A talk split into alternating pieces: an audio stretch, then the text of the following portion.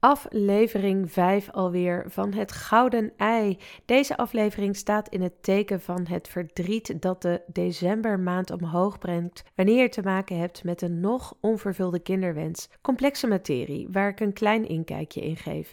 Ik geef ook tips in hoe je ervoor kunt zorgen deze maand zo goed mogelijk door te komen. En ik heb een leuke verrassing. Let's go!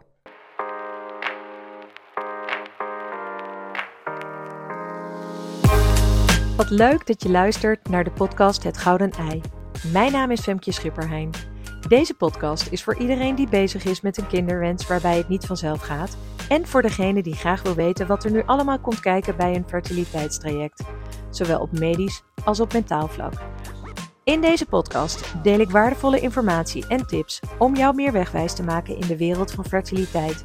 Ik neem je mee op reis door mijn eigen verhaal en ervaringen en ik ga in gesprek met ervaringsdeskundigen en specialisten. Laten we snel beginnen.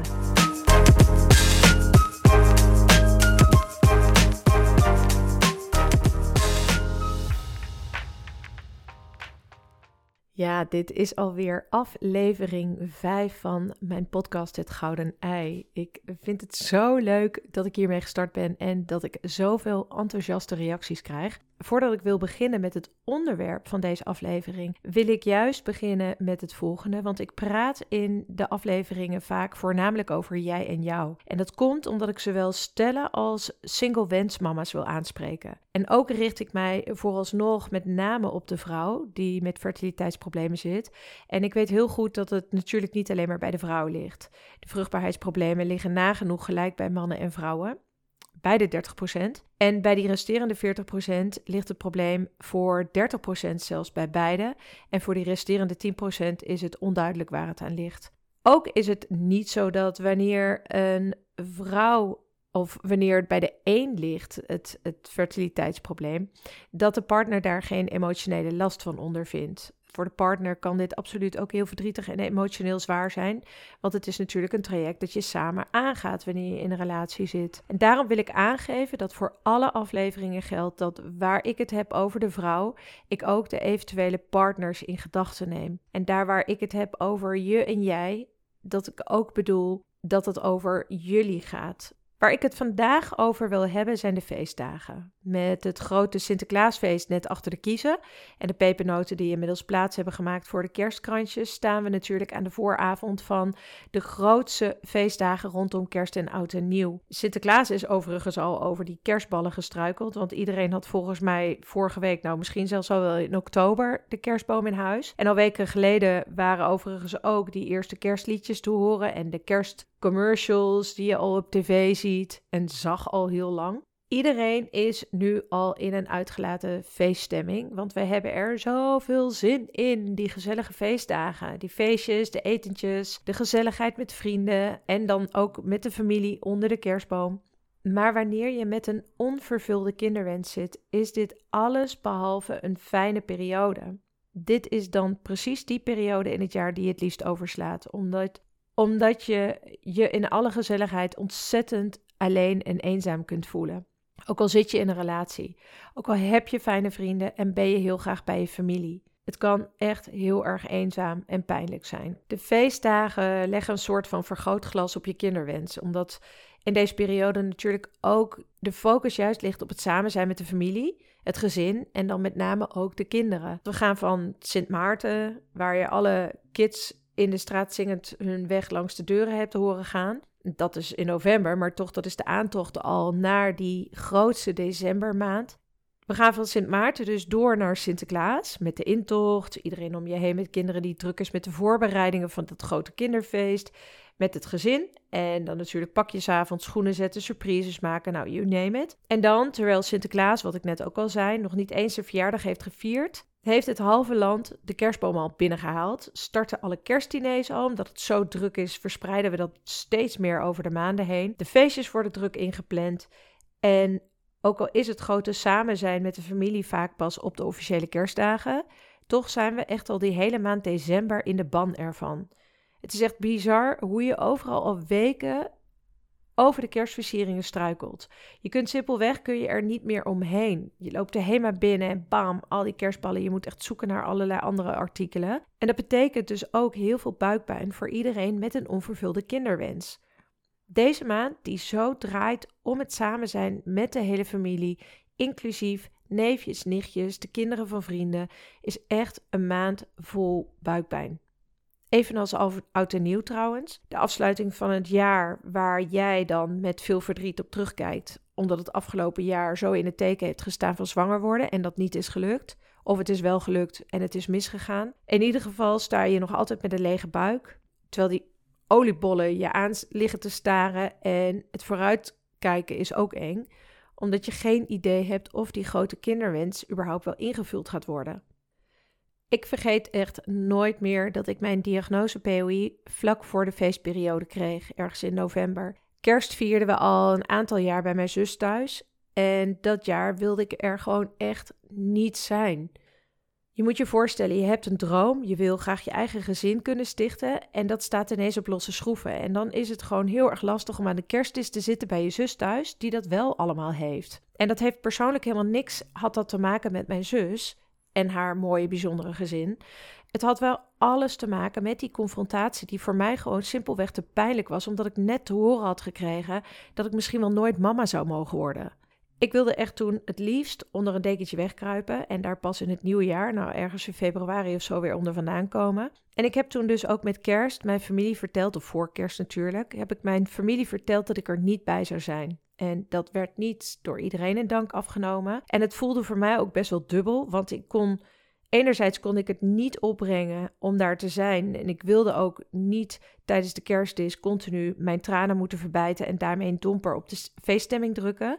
En tegelijkertijd voelde ik me natuurlijk ook echt wel schuldig naar hun dat ik zomaar zei dat ik er niet bij zou zijn. Ik heb het dus wel gewoon eerlijk aangegeven. Dus ik ben echt niet bij de kerstdagen, het kerstdiner en kerstviering met het gezin geweest. Ik heb dit jaar ook geen gezelligheid opgezocht met oud en nieuw.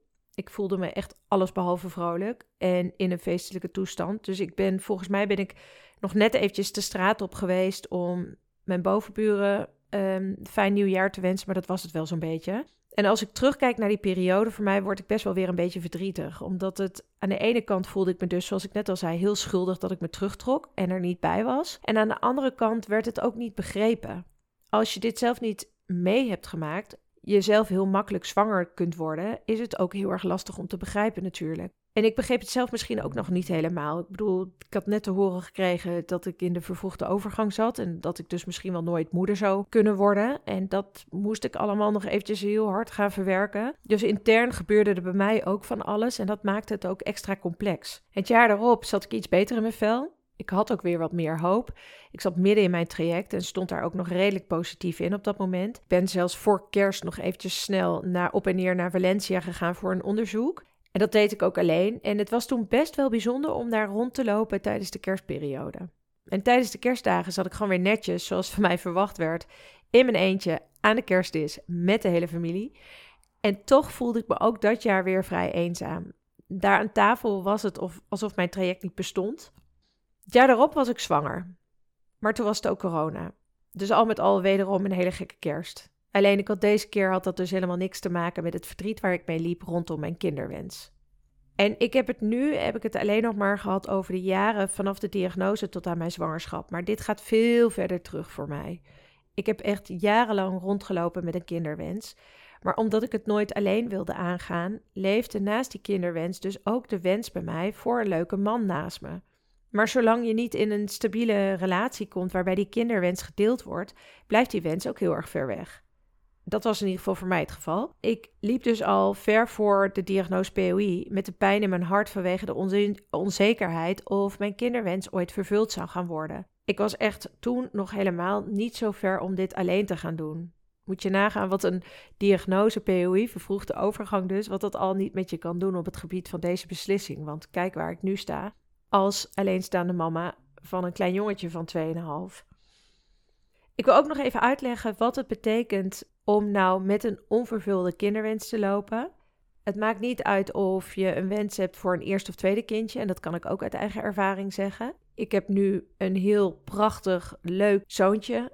Tegelijkertijd voel ik nog steeds de wens voor een tweede. En die is misschien wel, nou, het is anders, maar hij voelt net zo sterk. In eerste instantie zorgt dit voor een ineenkrimpend hart wanneer je gezinnen met kleine kindjes ziet. Vrouwen met dikke buiken of zelfs met zwangerschapsaankondigingen die je binnenkrijgt. Je loopt met de maandelijkse teleurstellingen van de terugkerende menstruatie, als je nog niet in de overgang zit. Of je loopt natuurlijk met die negatieve ovulatie en of zwangerschapstesten.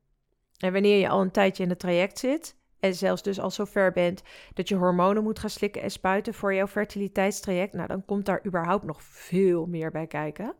Wanneer je midden in het traject zit, is de kans heel groot dat je buik inmiddels super is opgeblazen van alle hormonen. En überhaupt dat je misschien wel wat aangekomen bent. En al die hormonen zorgen ook nog weer eens een keertje voor een enorme mentale verandering in jezelf. Dus het zorgt ervoor dat je niet helemaal lekker in je vel zit. Letterlijk niet en dus figuurlijk. En dan heb je dus ook helemaal geen zin om die sexy glitterjurk aan te trekken met de feestdagen en die torenhoge pumps daar op een dansje te gaan wagen op de dansvloer.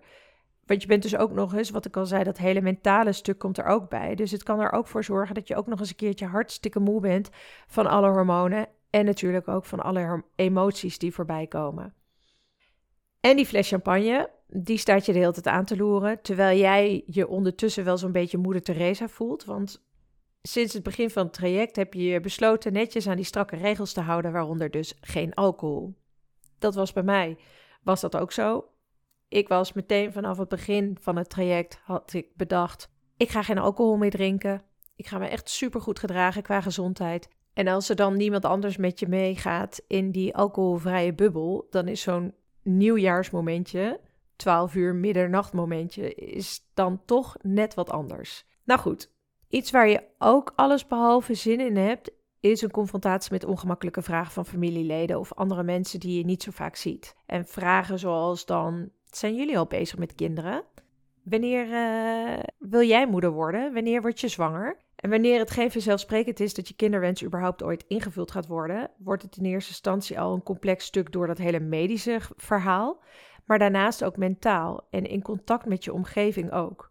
Het is echt heel lastig om je te bewegen in een normale omgeving, omdat er zoveel triggers kunnen zijn. En wanneer je dan geen mensen in je omgeving hebt die begrijpen wat je doormaakt, omdat ze een vergelijkbaar verhaal hebben, kan dit echt voor enorm eenzame momenten zorgen. De decembermaand is ook een maand van reflectie. En dat kan ook verdrietig zijn, want je bent weer een jaar verder zonder dat je jezelf mama mag noemen. En misschien heb je wel een jaar lang hormonen lopen spuiten en tig pijnlijke puncties achter de rug zonder resultaat. Of heb je een jaar achter de rug waarin je miskramen hebt gehad of plaatsingen van embryo's die niet tot een zwangerschap hebben geleid. Na alles wat ik zojuist heb verteld, is het denk ik ook wel duidelijk hoe heftig deze maand kan zijn voor iedereen met een kinderwens. Je wordt compleet overgenomen door je emoties. Om ervoor te zorgen dat je deze feestdagen, we zitten nu aan het begin van december, Sinterklaas hebben we gehad, de grootste dagen komen nog, om ervoor te zorgen dat je daar wat rustiger doorheen kunt wandelen en dat het net iets draaglijker voor je wordt, heb ik een aantal tips op een rijtje gezet. De eerste. Wees lief en zacht voor jezelf. Maak ruimte voor je verdriet. Sta stil bij je gevoel. Laat het toe. Het is echt super logisch dat je boos, verdrietig, gefrustreerd bent. Laat het er maar gewoon uit. Laat niemand anders je vertellen dat je je er maar even overheen moet zetten tijdens de feestdagen. Dat is namelijk echt bullshit. Geef eraan toe. Wanneer jij het gevoel hebt dat het je dwars zit, geef er aan toe. En ook is het helemaal oké wanneer je deze, tegen deze periode opziet en geen zin hebt in al die feestjes. Erken dit gewoon en blijf lief voor jezelf. En natuurlijk is het ook belangrijk dat je niet helemaal in een zwart gat valt deze maand en dat je niet helemaal wegzwelgt in zelfmedelijden en in het negatieve. En dus is het op sommige momenten ook echt wel heel erg goed dat je jezelf bij je schouders pakt en dat je wat afleiding gaat zoeken. Alleen dat hoeft niet per se in een omgeving te zijn waar je geconfronteerd wordt met, je, met jonge gezinnen en heel veel kindjes. Dus probeer daar misschien ook een balans in te vinden. Twee, zorg ervoor dat je duidelijke verwachtingen schept bij je omgeving. Het is voor jouw omgeving al heel lastig te begrijpen waar je doorheen gaat. En zeker als je dit niet zelf hebt meegemaakt. Dus neem ze daarom mee in jouw belevingswereld. Maak ze deelgenoot van jouw verdriet. Leg uit waarom je het zo lastig vindt om mee te gaan in al die feestelijke activiteiten. Geef ook je behoeften van tevoren duidelijk aan bij je familie. Zo weten zij wat ze wel en niet kunnen verwachten en voel jij dan aan de andere kant ook weer de ruimte om te luisteren naar je gevoel. Betekent dat dat je er niet bij bent, zoals ik dat dus een aantal jaar geleden heb gedaan? Spreek het uit. De anderen zullen dit vast en zeker jammer vinden, want ze vinden het natuurlijk veel gezelliger wanneer jij er ook bij bent en wanneer het gezin compleet is. Maar dat betekent niet dat je er zomaar overheen moet zetten. Misschien moet je dit jaar gewoon echt eens luisteren naar jouw gevoel en naar wat jij nodig hebt. En ben je er wel bij, maar je voelt tussendoor de behoefte om, even, om jezelf even terug te trekken, doe dat dan gewoon. Weet je, zoek even een rustige ruimte op. Ga even op een bed liggen, maak een wandelingetje. Maar laat in ieder geval wel één iemand even weten dat je er even niet bent. Nummer 3. Wees selectief met etentjes en feestjes. Zorg voor, wat ik net ook al zei, een goede balans tussen jouw eigen behoeften en die feestelijke verplichtingen. Zie je er nou enorm tegenop ergens naartoe te gaan?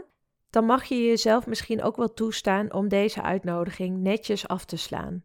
Door ervoor te kiezen om wel ergens anders naartoe te gaan, maar op een andere dag lekker op de bank te kruipen met een dekentje en goede serie en Netflix, vind je misschien daardoor wel de leuke afleiding zonder dat je helemaal leeg loopt op al, al deze dagen. Dus probeer daar echt een goede balans in te vinden. En ook hier geldt natuurlijk weer: voel aan wat je zelf nodig hebt en handel daarnaar. Nummer 4. Zorg goed voor jezelf en extra goed voor jezelf. En hoe je dat doet, dat kun je doen door bijvoorbeeld een massage te boeken, door er even tussenuit te gaan. Plan ook andere dingen. Verwen jezelf met iets waar je blij van wordt. Denk daar maar eens over na. Waar word je blij van? En ga dat doen. Of ga het voor mijn part aanschaffen. 5. Hou een social media detox. Voel je de behoefte aan een social media detox? Doen. Laat vooral even al die blije met het gezin onder de kerstboomfoto's ongemerkt aan je voorbij gaan. Een social media detox is sowieso een heel goed idee om eens in de zoveel tijd te doen. Ik moet eerlijk zeggen dat ik dat ook echt veel te weinig doe naast de inspiratie die je op kunt doen op social media, zorgt het ook voor mega veel prikkels. Nieuwe informatie die ons heel onrustig kan maken. En zeker wanneer je steeds met iets geconfronteerd wordt wat je graag wil hebben of zijn, maar wat nog mega ver buiten jouw bereik ligt. En wanneer er überhaupt geen zekerheid is dat je er ooit dichtbij in de buurt gaat komen, zoals dus die diepgewortelde kinderwens terwijl je met fertiliteitsproblemen zit, laat dan dat gewoon even voor wat het is en pak er afstand van. Nummer 6. Uit je eigen emoties. Blijf niet alleen zitten met je gevoelens en emoties. Zorg ervoor dat je iemand in je omgeving vindt waarbij je dit kunt delen. Heel erg belangrijk. En ik heb natuurlijk al hiervoor bij een paar tips hiervoor heb aangegeven van wees duidelijk ook naar je omgeving. Hè, waar jij behoefte aan hebt en hoe je je voelt. Neem ze mee. Doe dit ook echt. Dit is echt even een aparte tip daarvoor. Nummer 7, een hele mooie. Creëer je eigen rituelen en maak intenties voor het nieuwe jaar. En ik heb net ook al aangegeven van joh, een, uh, ga iets leuks doen, ga iets anders doen, ga er even uit en misschien kun je daar een nieuwe traditie van maken.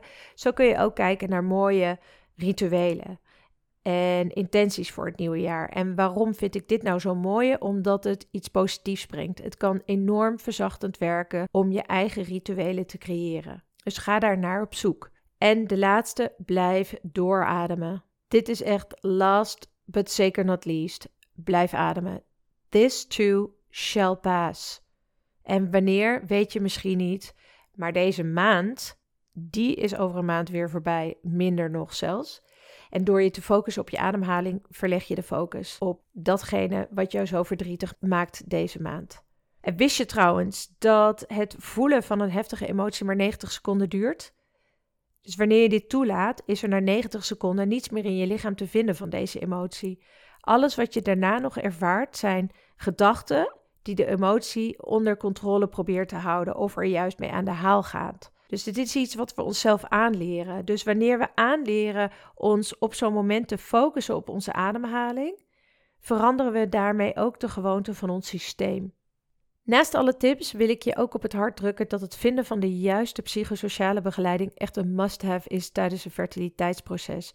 Ga op zoek naar een therapeut of een coach waarbij jij je fijn en veilig voelt. Zelf werk ik met één op één trajecten en groepstrajecten. En op 19 januari 2024 vindt er weer een one-day retreat plaats met een groep vrouwen die allemaal in een fertiliteitsproces zitten. En dit kan zijn nog midden in het traject of na een afsluiting van het traject, dan wel zwanger of niet. En ik heb nu een aantal tips met je gedeeld, maar daarnaast heb ik ook nog iets onwijs moois voor je. Ik heb een klein cadeautje dat jou gaat helpen bij die moeilijke momenten. Dus niet alleen maar voor nu tijdens de feestdagen, maar ook op andere momenten in het jaar. En hoe je daaraan komt? Via mijn link in de show notes. Daar kun je mijn cadeautje aan jou downloaden. Er zit sowieso een hele fijne, makkelijke, toepasbare oefening bij. Dus ik zou zeggen, na het beluisteren van deze aflevering, ga even naar mijn show notes, klik de link aan en download dat cadeautje voor jou van mij. De tips die ik in deze aflevering heb gegeven en de tips die je tegenkomt in mijn cadeautje aan jou zijn uiteraard op ieder ander moment toepasbaar. Dus wanneer je andere momenten gedurende het jaar vindt, kun je die tips er ook bij pakken. En ze zijn zeker niet alleen maar bruikbaar in deze decembermaand. Dus laatste tip van mij aan jou: onthoud ze en pas ze toe wanneer nodig. Dankjewel voor het luisteren naar deze toch wel speciale feestdagen aflevering. Denk je nu na deze aflevering, ik wil meer weten over een traject bij Femke? Of heb je interesse in het Day Retreat in januari? Laat het me dan weten via Instagram. Een vrijblijvende kennismaking inplannen via mijn site kan natuurlijk ook. Ik ben te vinden onder femke.coaching of op www.femkecoaching.nl. De volgende aflevering wordt weer een hele mooie met de leuke gast waarmee ik het ga hebben over hormonen. Wil je daar nu meer over horen? Zet dan snel je meldingen aan in de podcast-app, zodat je als eerste de volgende aflevering kunt luisteren. En laat me weten wat je van deze aflevering vond. Dat kan door de podcast te beoordelen in je app. Tot over twee weken bij de aflevering 6 van de podcast Het Gouden Ei.